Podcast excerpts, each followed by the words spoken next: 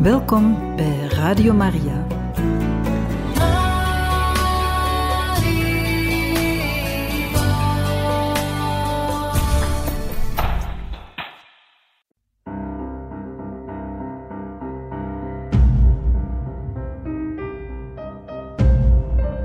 Het woord spreekt.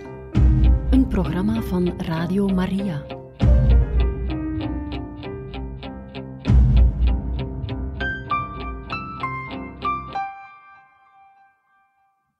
Beste luisteraars, welkom bij het woord spreekt. We zijn gekomen in de Handelingen van de Apostelen, hoofdstuk 7, vers 30. Toen er veertig jaren verstreken waren, verscheen hem in de woestijn van het Sinaï-gebergte een engel in het vuur van een brandende doornstruik. Vol verwondering sloeg Mozes het schouwspel gade. Maar toen hij erheen ging om te kijken wat het was, klonk de stem van de Heer. Ik ben de God van uw vaderen, de God van Abraham, Isaak en Jacob. Mozes begon te beven van schrik en durfde niet te gaan kijken. Daarop zei de Heer tegen hem: Doe uw schoenen uit, want de plaats waar u staat is heilige grond. Ik heb de slechte behandeling van mijn volk in Egypte wel gezien, en hun zuchten heb ik gehoord, en ik ben afgedaald om hen te bevrijden.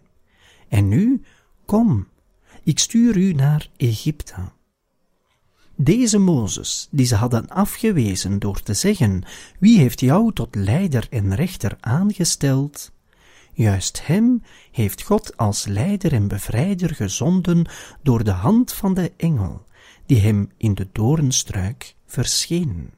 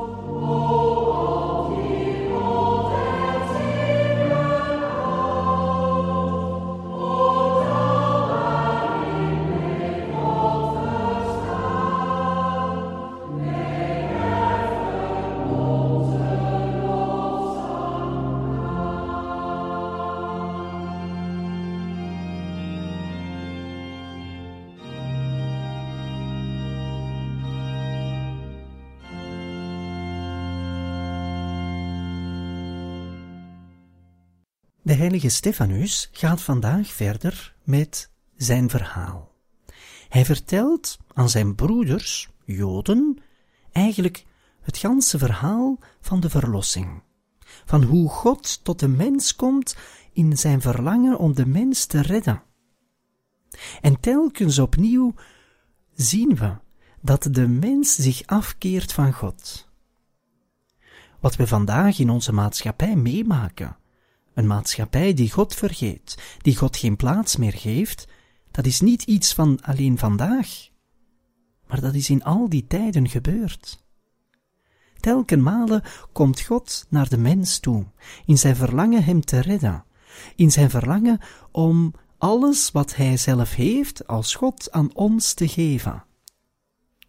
Maar de mens, moedwillig, neemt er afstand van. De mens verlaat God. Zie daar eigenlijk die originele zonde van het begin, zeg maar de erfzonde. God niet laten meetellen in ons leven, denken dat we het zelf kunnen. En zo is het in de hele geschiedenis van de mensheid geweest. En de heilige Stefanus, die toont aan hoe die God van liefde, hoe die toch naar de mens gaat, ondanks alles. En dit doorheen de grote personages van het Oude Testament. We hebben reeds gesproken over Abraham, Isaac, Jacob. En nu zitten we bij Mozes. En Mozes, wel, die hebben ze ook weggeduwd, weg naar de Sinaï, weg naar de woestijn, weg van Egypte, waar het volk van Israël zich bevond. En het is net die Mozes, zo zegt Stefanus, die God zal aanstellen tot redder en verlosser van het volk van Israël uit de slavernij van Egypte.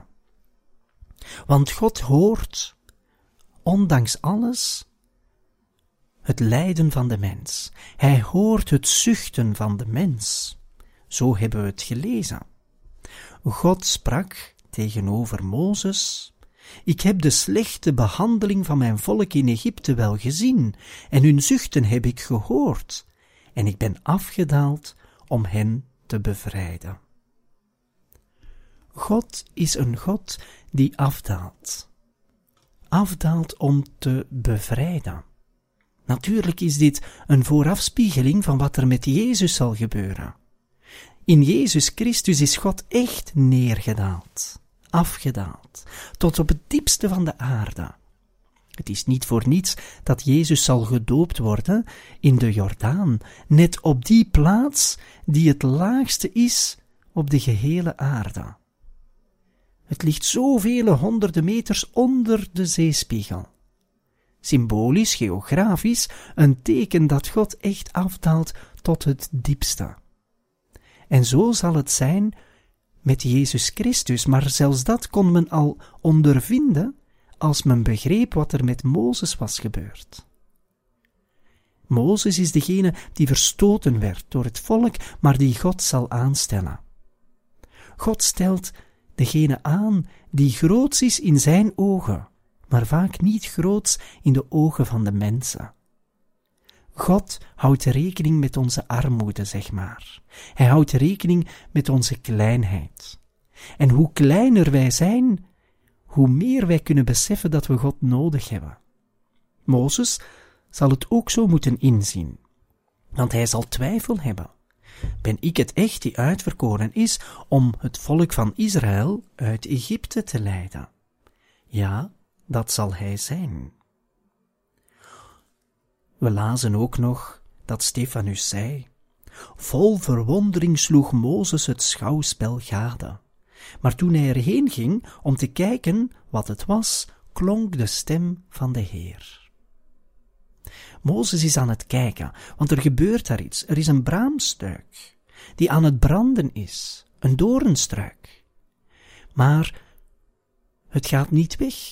Het vuur brandt, maar de doornstruik verbrandt niet. Mozes is natuurlijk verwonderd. Het is een mirakel die gebeurt. Hij kijkt. Maar plots moet hij niet meer kijken, maar enkel luisteren. Het woord van God is er vooral om beluisterd te worden. Zeker, wij moeten kijken met onze ogen naar de schepping. Wij moeten kijken naar de wonderen die de Heer voor ons deed. Maar in de eerste plaats moeten wij luisteren. Luisteren met onze oren, opdat het woord van God naar ons hart kan gaan. Luisteren naar het woord van God. Ook Mozes zal worden voorbereid om dat te doen. En hij luistert. En die woorden van God zijn: Ik ben de God van uw vaderen, de God van Abraham, van Isaac en van Jacob. Jezus zal later in het evangelie deze woorden uitgesproken door zichzelf, zeg maar, door het woord van God, aan Mozes, wel Jezus zal die woorden hergebruiken om aan te tonen dat wij een God hebben van leven, niet van doden, maar een God die leven schenkt. Want Abraham, Isaac en Jacob, ook al zijn ze gestorven, zij leven.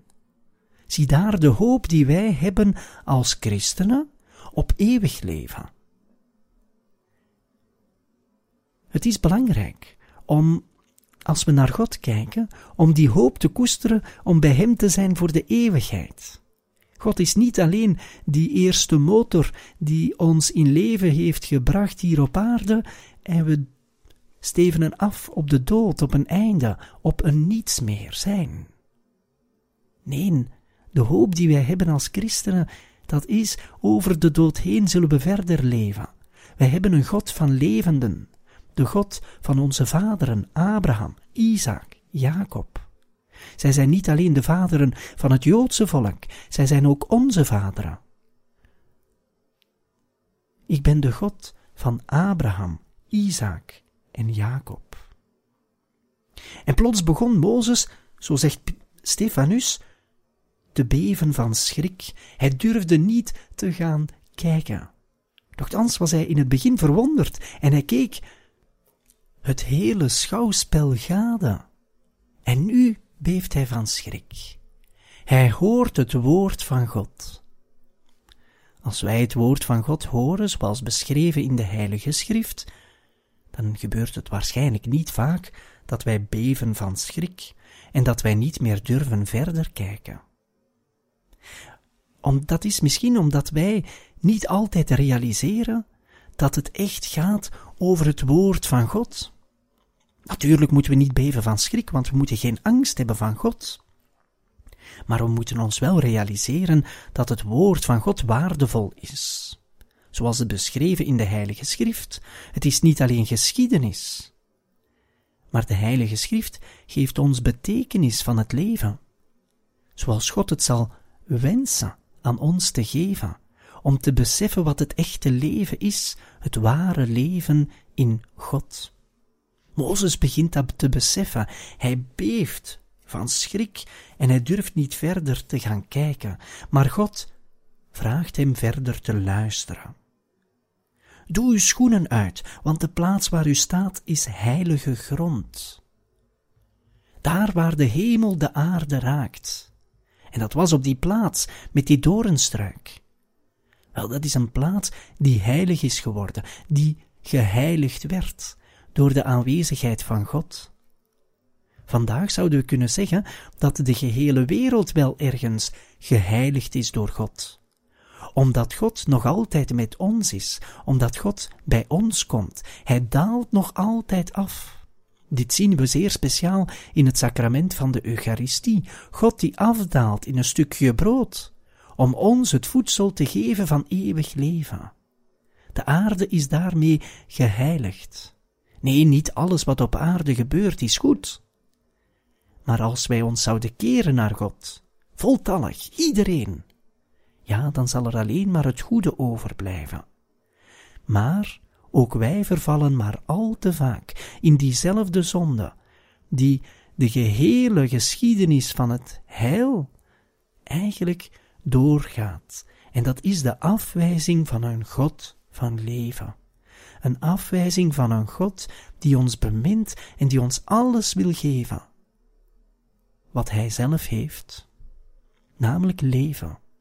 Hij is die God van de levenden, van onze vaderen Abraham, Isaac en Jacob. En Hij is die God die Mozes heeft aangesteld om een voorafspiegeling te zijn van de echte Verlosser van een ieder van ons zoals God het volk uit Egypte heeft gehaald, weg van de slavernij, zo zal Jezus ons, de gehele mensheid, weghalen uit de slavernij van de zonde. Maar we moeten Hem wel nog willen volgen, en dus ons niet afkeren, maar geloven in een God van liefde die ons eeuwig leven wil schenken. En zo hebben wij vandaag gelezen in de Handelingen van de Apostelen, hoofdstuk 7, versen 30 tot en met 35.